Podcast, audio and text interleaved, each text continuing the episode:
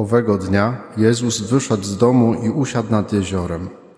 Wnet zebrały się koło niego tłumy tak wielkie, że wszedł do łodzi i usiadł, a cały lud stał na brzegu. I mówił im wiele w przypowieściach tymi słowami. Oto siewca wyszedł siać. A gdy siał, jedne ziarna padły na drogę, nadleciały ptaki i wydziobały je. Inne padły na grunt skalisty, gdzie niewiele miały ziemi i wnet powschodziły, bo gleba nie była głęboka. Lecz gdy słońce wzeszło, przypaliły się i uschły, bo nie miały korzenia. Inne znowu padły między ciernie, a ciernie wybujały i zagłuszyły je. Inne wreszcie padły na ziemię żyzną i plon wydały.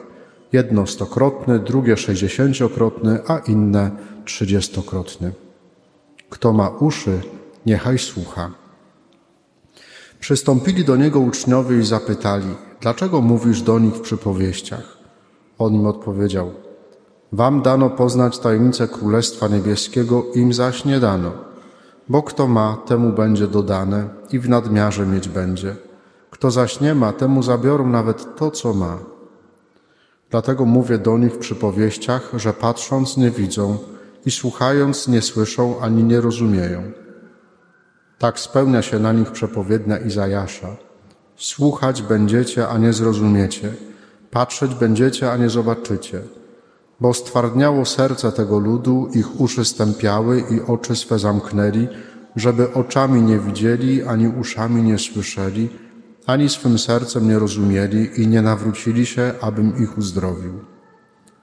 Lecz szczęśliwe oczy wasze, że widzą i uszy wasze, że słyszą. Bo zaprawdę powiadam wam, wielu proroków i sprawiedliwych pragnęło ujrzeć to, na co wy patrzycie, a nie ujrzeli, i usłyszeć to, co wy słyszycie, a nie usłyszeli. Wy zatem posłuchajcie przypowieści o siewcy. Do każdego, kto słucha słowa o królestwie, a nie rozumie go, przychodzi zły i porywa to, co zasiane jest w jego sercu. Takiego człowieka oznacza ziarno posiane na drodze. Posiane na grunt skalisty oznacza tego, kto słucha słowa i natychmiast z radością je przyjmuje, ale nie ma w sobie korzenia i jest niestały. Gdy przyjdzie ucisk lub prześladowanie z powodu słowa, zaraz się załamuje.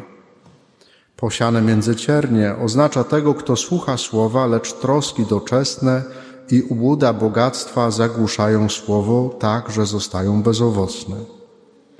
Posiane wreszcie na ziemię żyzną oznacza tego, kto słucha słowa i rozumie je. On też wydaje plon. Jeden stokrotny, drugi sześćdziesięciokrotny, inny trzydziestokrotny. Przez następne trzy niedziele będziemy słuchać y, tej części Ewangelii według świętego Mateusza, którą nazywamy nauczaniem w przypowieściach. W ciągu tych y, trzech niedziel usłyszymy w sumie siedem przypowieści o Królestwie Bożym. A rozpoczynamy ten cykl nauczania Pana Jezusa od doskonale nam znanej przypowieści o siewcy i ziarnie. Sami uczniowie są zaskoczeni, dlaczego Pan Jezus w ogóle zaczyna y, to nauczanie i dlaczego naucza w przypowieściach. Dlatego po tej pierwszej przypowieści od razu przychodzą do Pana Jezusa i go pytają, dlaczego Ty uczysz w przypowieściach? Czemu nie mówisz im wprost? I wtedy Pan Jezus w taki może dla nas troszeczkę zawiły sposób tłumaczy im, że przypowieści po prostu są bardziej przystępne. I my to dzisiaj też y, doskonale widzimy, bo przypowieści to używają takich obrazów bardzo prostych, bardzo życiowych, bliskich człowiekowi, ale jednocześnie rozumiemy, że one mówią o czymś więcej. Pan Jezus w tych przypowieściach mówi o Królestwie Bożym. I to, że tak jest, to świetnie widać, że jeżeli ktoś ma zajęcia w przedszkolu, jak się o przypowieściach mówi, to dzieciaki w lot łapią o co chodzi. Jakby potrafią ten właściwy sens tych przypowieści odnaleźć. Dlatego Pan Jezus mówi, gdybym im powiedział wprost, to by w ogóle nie zrozumieli, o czym mówię. Bo to jest tak rzeczywistość inna, tak rzeczywistość może w tym momencie odległa, że nie są w stanie tego przyjąć. Ale jeżeli mówię przy powieściach, to ta prawda o Królestwie Bożym, które jest między nami, które wzrasta, e, którego Pan Bóg dla, które Pan Bóg dla nas chce, ta prawda po prostu się rozwija. Zaczynamy więc od tej przypowieści doskonale, myślę, nam znanej o siewcy, który wyszedł siat i zasiewa ziarno. Sam Jezus od razu daje nam wyjaśnienie przypowieści, właśnie po to, żebyśmy nie, nie, tylko, nie tylko usłyszeli ten pierwszy obraz, ale żebyśmy od razu poszli troszeczkę głębiej. Nie będę więc dzisiaj tłumaczył tego, co Pan Jezus już wytłumaczył, bo On jakby wyjaśni tą przypowieść na końcu tego dzisiejszego fragmentu. Natomiast chcę zwrócić uwagę na dwie takie, na dwa takie, jakby z dwóch stron spojrzeć na tą dzisiejszą Ewangelię i wyciągnąć dwie takie rzeczy, które są także w niej obecne, a które mam wrażenie, że czasami nam umykają. E, jakiś czas temu byłem na kursie takim kaznodziejskim Dominikanów e, w Łodzi. No i tam na jednym z pierwszych zajęć powiedzieli rzecz, która jest po prostu oczywistością oczywistości, ale która no, tak sformułowaną miałem, usłyszałem po raz pierwszy. Nie? Mianowicie e, ojciec Wojciech Jędrzejewski mówi tak. O czym przede wszystkim powinien, powinno być kazanie? No i tak się wszyscy księża tam z różnych stron Polski się zastanawiamy, a on, a on mówi o Panu Bogu. I to jest, zobaczcie, to jest tak oczywiste, że, ale no, gdzieś to może umknąć, że pierwszą rzecz, jak mówisz kazanie, to masz powiedzieć o Panu Bogu. Jak, jak tą, co ta Ewangelia, co to słowo dzisiaj mówi o Panu Bogu. Więc co, to, co ta dzisiejsza Ewangelia mówi o Panu Bogu? Oczywiście to On jest tym siewcą. To jest, to jest pierwsze, co rozumiemy. Ale jaki to jest siewca? To jest siewca, który jest niezwykle hojny w sianiu, albo wręcz można powiedzieć rozrzutny. Dlatego, że e, w tej, kiedy sieje to słowo, to zwróćcie uwagę, że on sieje je nie do końca patrząc nawet, gdzie to ziarno pada. Tak? Po prostu je rozsiewa. Który z gosławickich rolników by w ten sposób siał? No, każde tam trochę tego ziarna to jest ważne, więc nikt nie będzie wysiewał gdzieś tam między krzoki, albo y, między skały, tak? Albo na drogę, na polną drogę. No nikt tego nie. Sieje się, normalny rolnik sieje tam, gdzie jest przygotowana gleba pod zasiew, a nie gdzie indziej. Więc pierwsza rzecz, która, która, która nam mówi, że Pan Bóg jest siewcą, który bardzo hojnie, wręcz rozrzutnie daje nam swoją łaskę nie patrzy do końca na to, gdzie to ziarno pada. Ono po prostu pada, idzie i sieje. Druga rzecz, on nie rozsiewa ziarna, które jest byle jakie. To nie są jakieś zmiotki ze stodoły, tak z zeszłego roku. Nie. To jest ziarno najlepszej jakości. Bo ten siewca, jakim jest Bóg, spodziewa się plonu stokrotnego. I to jest jako pierwsze ewangelista Mateusz, że pierwszy, jaki plon jest oczekiwany, to jest że wyda plon stokrotny, inne sześćdziesięciokrotne, a jeszcze inne trzydziestokrotne, ale na pierwszym miejscu, że ma być plon stokrotny. Więc takie jest oczekiwanie tego, tego siewcy. Słowo, które Pan Bóg zasiewa w naszym życiu, w naszym sercu, jest właśnie słowem, które sieje rozrzutnie. Naprawdę dzisiaj y, tego dostęp do Słowa Bożego mamy przeogromny. To słowo jest słowem żywym i skutecznym. I to w żywym, w, naj, w najlepszym znaczeniu tego słowa i skutecznym w najlepszym znaczeniu tego słowa. Bo to jest to ziarno najlepszej jakości. Co to znaczy, że słowo jest żywe i skuteczne? To jest, mi jest zawsze osobiście dosyć trudno na ten temat mówić. Dlaczego? Dlatego, że mam doświadczenie tego, że słowo jest żywe i skuteczne. I na przykład to doświadczenie w takim życiu parafialnym się przekłada na to, że codziennie na każdej mszy świętej głosimy Słowo Boże, chociaż króciutką, yy, króciutką homilię.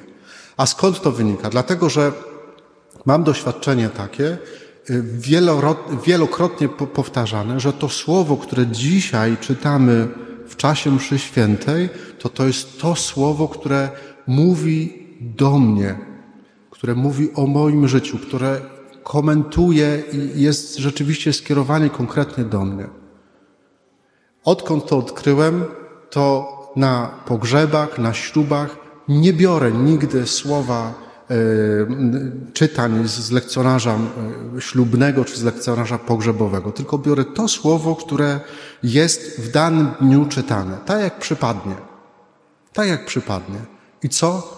I słuchajcie, jeszcze nie zdarzyło się tak, żeby to słowo nie mówiło czegoś o tych nowożeńcach, żeby nie zdarzyło się jeszcze tak, żeby to słowo nie mówiło czegoś bardzo konkretnego o tej osobie, którą żegnamy w czasie pogrzebu. Słowo jest żywe i skuteczne. Co to jeszcze znaczy? Jest żywe i skuteczne, dlatego że to słowo daje życie. i jest życiodajne. Jest słowem, które nie tylko, tak jak nasze słowa, opisują pewną rzeczywistość. Tak jak ja teraz opisuję moimi słowami, opisuję pewną rzeczywistość Słowa Bożego. Słowo Boże nie tylko opisuje, ono stwarza rzeczywistość. I najlepiej to widać w opisie stworzenia świata, kiedy Pan Bóg e, wypowiada słowo, niech się stanie światłość i staje się światłość. I to jest, i to słowo, taką moc ma słowo Pana Boga, że ono stwarza rzeczywistość. Ale ono także tę rzeczywistość porządkuje, bo Pan Bóg mówi, niech się oddzielą wody ponad sklepieniem od wód pod sklepieniem i się rozdzielają. Czyli porządkuje, to słowo porządkuje ten chaos stworzenia, żeby utworzyć z niego uporządkowany kosmos. Kiedyś już o tym mówiłem na kazaniu, więc za bardzo się nie chcę powtarzać tutaj. Ale to jest, słuchajcie, kiedy odkryłem to, że słowo, że Pan Bóg przez swoje słowo uporządkował świat na początku stworzenia, uporządkował chaos stworzenia w kosmos. Słuchajcie, to było dla mnie tak jakby ożywiające, no bo jeżeli Pan Bóg potrafił sobie poradzić swoim słowem z chaosem wszechświata, to co, nie da sobie rady z moim chaosem mojego serca, mojego życia? Da sobie radę. Jeśli pozwolę wybrzmieć Jego słowo w moim życiu, jeżeli wpuszczę to Jego słowo do mojego życia. Jeśli czujesz się czasami skołowany czy skołowana, jeżeli nie wiesz, co masz robić, jeżeli jakby czujesz taki, taki chaos wewnętrzny, albo te wszystkie okoliczności życia y, powodują, że wokół ciebie po prostu wiruje, to chwyć się słowa. I to słowo będzie naprawdę porządkować Twoje życie. Będzie stwarzać Cię na nowo. Będzie dawać Ci nowe życie. Jakkolwiek rozumiem, że to jest yy, może górnolotne mówienie, ale tak po prostu jest. I trudno mi jest przekazać coś, co jest moim doświadczeniem, natomiast chcę się z Wami z tym podzielić, bo to tak po prostu działa. Tak po prostu słowo jest żywe i skuteczne. Więc pierwsza rzecz, którą ta przypowieść nam mówi, to to, że Bóg działa przez swoje słowo, że jest hojny, że rzeczywiście jakby obficie to słowo do nas kieruje. Wprowadza ład i pokój przez to słowo, porządkuje nasze życie, stwarza nas na nowo. Jest pierwszym, który działa. Ale druga rzecz, drugie spojrzenie na tą dzisiejszą Ewangelię jest takie, że ta przypowieść jest także zaproszeniem do współpracy z Bogiem. Nasi rolnicy mogliby tutaj najwięcej powiedzieć, jak wiele pracy trzeba włożyć, żeby nawet najlepsze ziarno, które człowiek gdzieś tam wybierze na zasiew, ale ile trzeba pracy włożyć, żeby to ziarno wydało plon, żeby ta ziemia była przygotowana, nie, żeby po zasiewie jeszcze tam chwastów się pozbyć, żeby ile to jest roboty, słuchajcie. To się nawet nam w głowie nie mieści, bo my tej pracy bardzo często nie widzimy. Tak? My dostajemy produkt końcowy, chleb, mąkę i inne rzeczy. Natomiast to jest mnóstwo roboty, która w, w tym jest ukryta. Ale to wymaga, to ziarno, jego owocność wymaga współpracy. I to dokładnie tak samo jest w naszym życiu. E, jeżeli oczekuję plonów w moim życiu, czy to osobistym, czy to rodzinnym, czy to duchowym, czy to zawodowym, to nie wystarczy, że zasieję, że mam jakiś talent. No, muszę to rozwijać. Trzeba w to się zaangażować, trzeba nad tym pracować. No, nie ma innej rady. Po prostu nie ma innej rady. Oczekiwanie, że będą plony, jak nic nie zrobiłem, to po prostu jest łudzenie samego siebie. Jeżeli ktoś nie zaangażuje się w pracę nad sobą, nie, nie będzie współpracował z łaską, którą Pan Bóg daje, nic z tego nie wyjdzie. I nie dlatego, że Pan Bóg coś poskąpił, dlatego, że ja nie pracuję. Jak więc dbamy o żyzność gleby mojego serca? Jak tę glebę pielęgnuję? Jak sobie radzę z chwastami, które się w tej glebie mojego życia pojawiają? Jak ją nawadniam? Czym ją nawadniam? Czy od, od, odważę się, kiedy potrzeba, y, przeorać pewne dziedziny w moim życiu, wywrócić je do góry nogami. Nie dlatego, żeby je zniszczyć, ale żeby mogły nabrać nowego oddechu, żeby mogły nabrać nowego powietrza, żeby na nowo na to spojrzeć. Myślę, że warto z tymi pytaniami też się dzisiaj zmierzyć. Pozwól działać Słowu Boga w Twoim życiu. Nie jutro, nie za tydzień, nie po żniwach, jak będzie więcej czasu, nie po wakacjach, tylko dzisiaj. Zrób miejsce dla Słowa Bożego w Twoim sercu. Przygotuj dla niego swoje serce. Jeśli trzeba, wyplew chwasty. Jeśli trzeba, przeoraj. Jeśli trzeba, nawodnij łaską sakramentów. Mamy w Kościele bardzo konkretne narzędzia do tej pracy nad glebą naszego serca. Mamy sakramenty święte, szczególnie Eucharystia, szczególnie sakrament pokuty, mamy modlitwę i to tą osobistą, prywatną, mamy modlitwę rodzinną, mamy modlitwę w wspólnocie Kościoła, mamy Słowo Boże, czytanie Słowa Bożego. Dzisiaj, słuchajcie, mamy tak łatwy dostęp do Słowa Bożego. Jedziesz do pracy, włącz sobie na YouTubie jednego, drugiego, trzeciego komentarz do Ewangelii. Trzy minuty. Trzy minuty, które możesz mieć puszczone w radiu i które naprawdę będą cię prowadzić przez cały dzień. A mamy to szczęście, że na YouTubie mamy dzisiaj dostęp przeszeroki do najlepszych kaznodziei, jakich jaki mamy po polsku. I nie tylko po polsku. Jak to woli. Więc mamy, to są bardzo konkretne narzędzia. Mamy post, mamy jałmużnę. To są narzędzia, które dostajemy od Kościoła. Ale narzędzia, i to też wiemy, są tylko narzędziami. Nie zastąpią naszej pracy. E, ale w tej pracy mają nam pomóc. To, że farosz ma e, ileś tam narzędzi ogrodniczych z tyłu w altance, to nie znaczy, że jego warzywniak, e, tam są warzywa, proszę zobaczyć, może nie ma nic, nie ma nic do oglądania w tym roku. Do, do, same narzędzia nie wystarczą, ale te narzędzia, jak je panie wezmą, jedna z drugą, trzecią panią, jeden pan tutaj, to zobaczcie, jak tu jest wszystko porobione obok, nie? Ja tego nie robiłem ale to są konkretna robota konkretnych ludzi, którzy się zaangażowali w to, żeby wokół kościoła było pięknie. Używali narzędzi, nie robili tego, tego rękami. I to jest tak samo jest w życiu duchowym. Początkowo nie zobaczymy żadnych plonów. Nie wiem, czy, ale raczej nasi rolnicy dzień po zasiewie nie jadą na pole i nie patrzą, czy już tam coś rośnie. To wymaga czasu, wymaga cierpliwości. Ale kiedy poczekamy trochę, to kiedy popatrzymy za siebie, to zobaczymy, jak to słowo, które pozwoliliśmy, żeby zapadło w nasze serce, zobaczymy, jak to słowo zacznie wydawać plony. Naprawdę tak się będzie działo. I to będzie plon albo trzydziestokrotny, albo stokrotny, albo sześćdziesięciokrotny. Nie pozostanie bezowocne. Bo Pan Bóg dzisiaj jakby na dokładkę, a właściwie na wstęp tego dzisiejszego słowa dostajemy dzisiaj fragment z księgi proroka Izajasza. Przepiękny fragment. Pan Bóg mówi tak.